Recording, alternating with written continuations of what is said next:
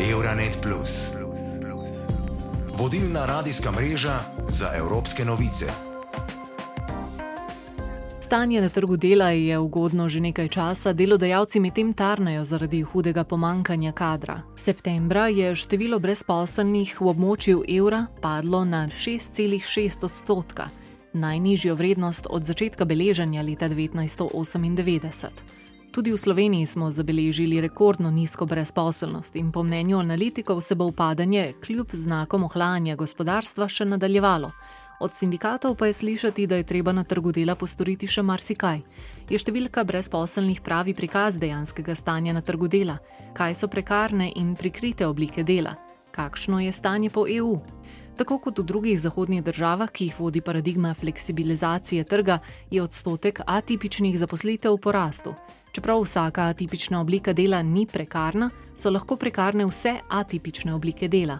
Atipične zaposlitve zajemajo vse zaposlitve, ki niso redne za nedoločen čas, od pogodb za določen čas in pogodb s skrajšanim delovnim časom, podjemne in avtorske pogodbe, SPI pa do dela preko študentskih servisov. Glavno pogoje za to, da je pa delo prekarno, sta, da delavec opravlja delo za minimalno plačilo in minimalne pravice, zato ker nima druge izbire. Prekarni delavec je torej nekdo, ki bi po naravi svojega dela bil upravičen do pogodbe za nedoločen čas, pa je ne dobi, ne glede na obliko zaposlitve.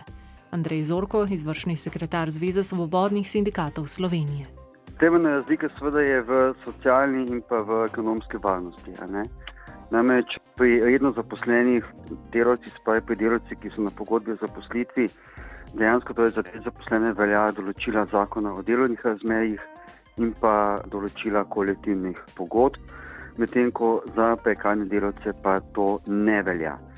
Tudi z vidika socialne varnosti so pravice zaposlenih precej večje, kot pa so pravice prekarcev, zlasti v primeru bolniške odsotnosti, ker je bolniško nadomestilo zaposleni dobijo, medtem ko prekarci tega nimajo pa so potem še še druge ugodnosti, recimo ne napisane, tudi z vidika pridobivanja kredita recimo, in podobno. Tako da mhm. je precej teh razlik, ki na prvi pogled, bom rekel, dajo predvsem večjo stabilnost zaposlitve, delovno pravno varstvo, sodno varstvo pravic zaposlenim delovcem, predvsem bolj kot pa prekarnim zaposlenim. Zakon o delovnih razmerjih namreč v 13. členu določa, da je delo, pri katerem delodajalec delavcu nalaga delo in odmerja delovni čas, ko delavec dela v njegovih prostorih z njegovo opremo in pod njegovimi pogoji, lahko le redno delovno razmerje. Če se tako delo opravlja preko drugih pogodb, je delodajalec v prekršku. Naprimer, samostojni podjetniki, ki uspešno vodijo svoje podjetje, niso prekarni delavci. So pa prekarni delavci vsi, ki so svoje podjetje odprli na željo delodajalca ali pa ker ne dobijo redne zaposlitve. Prekarni delavec tudi ni nekdo, ki z novim delodajalcem podpiše pogodbo za določen čas, temveč delavec, ki že več let zapored podpisuje iste pogodbe za določen delovni čas z istim delodajalcem.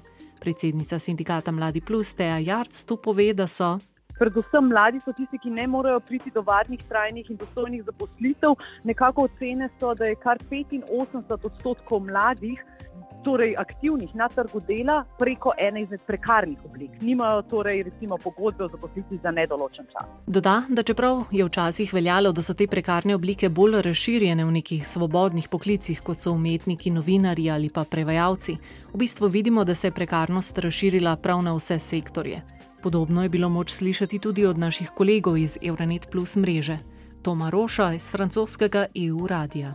Precarious work is a major concern amongst French youth. Prekarna dela so razlog za veliko skrb med francosko mladino.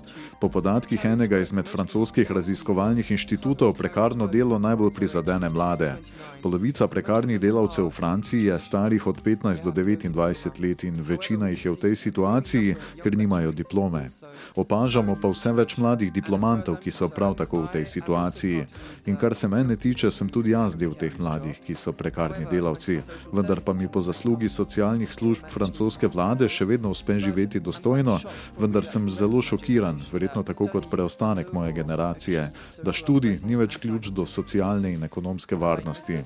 Študiral sem na zelo selektivni novinarski šoli in zelo težko najdem svojo prvo zaposlitev.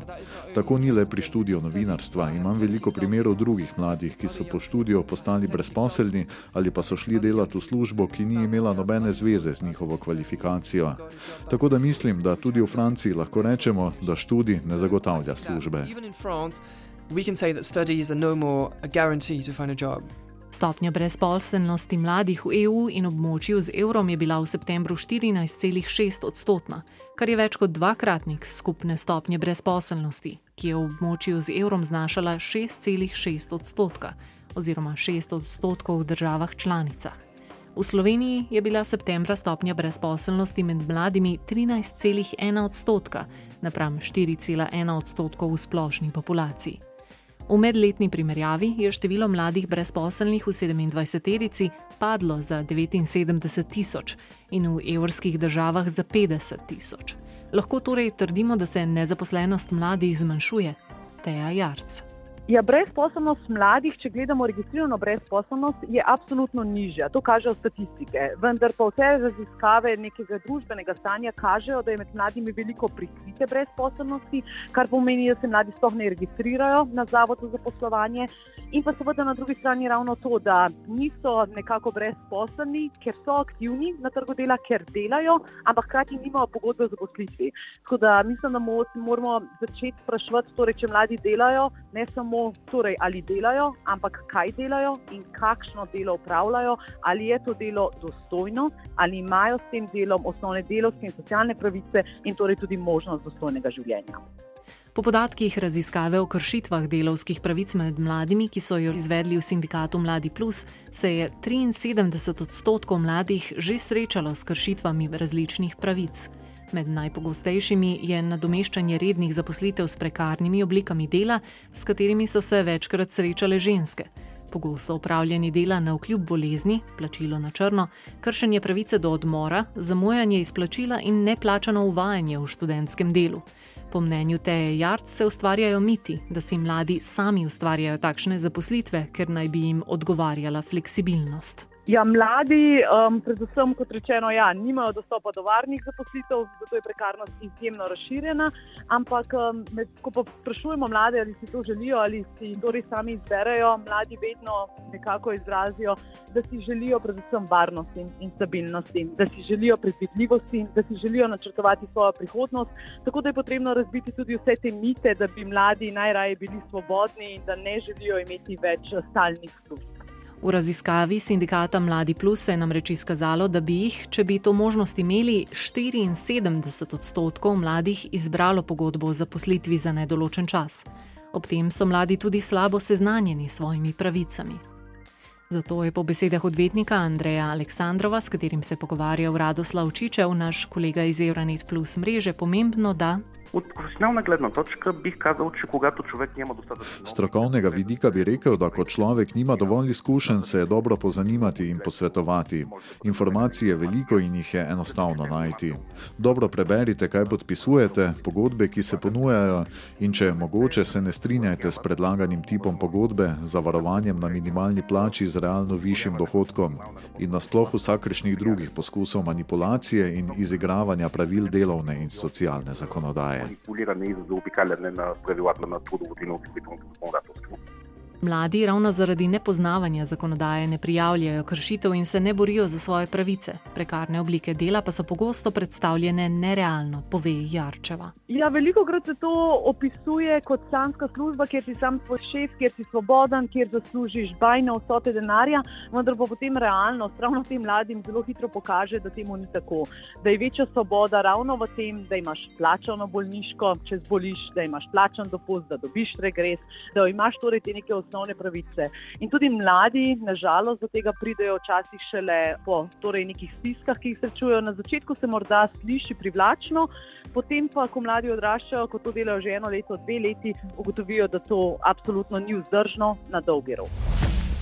Euronet Plus za boljše razumevanje Evrope.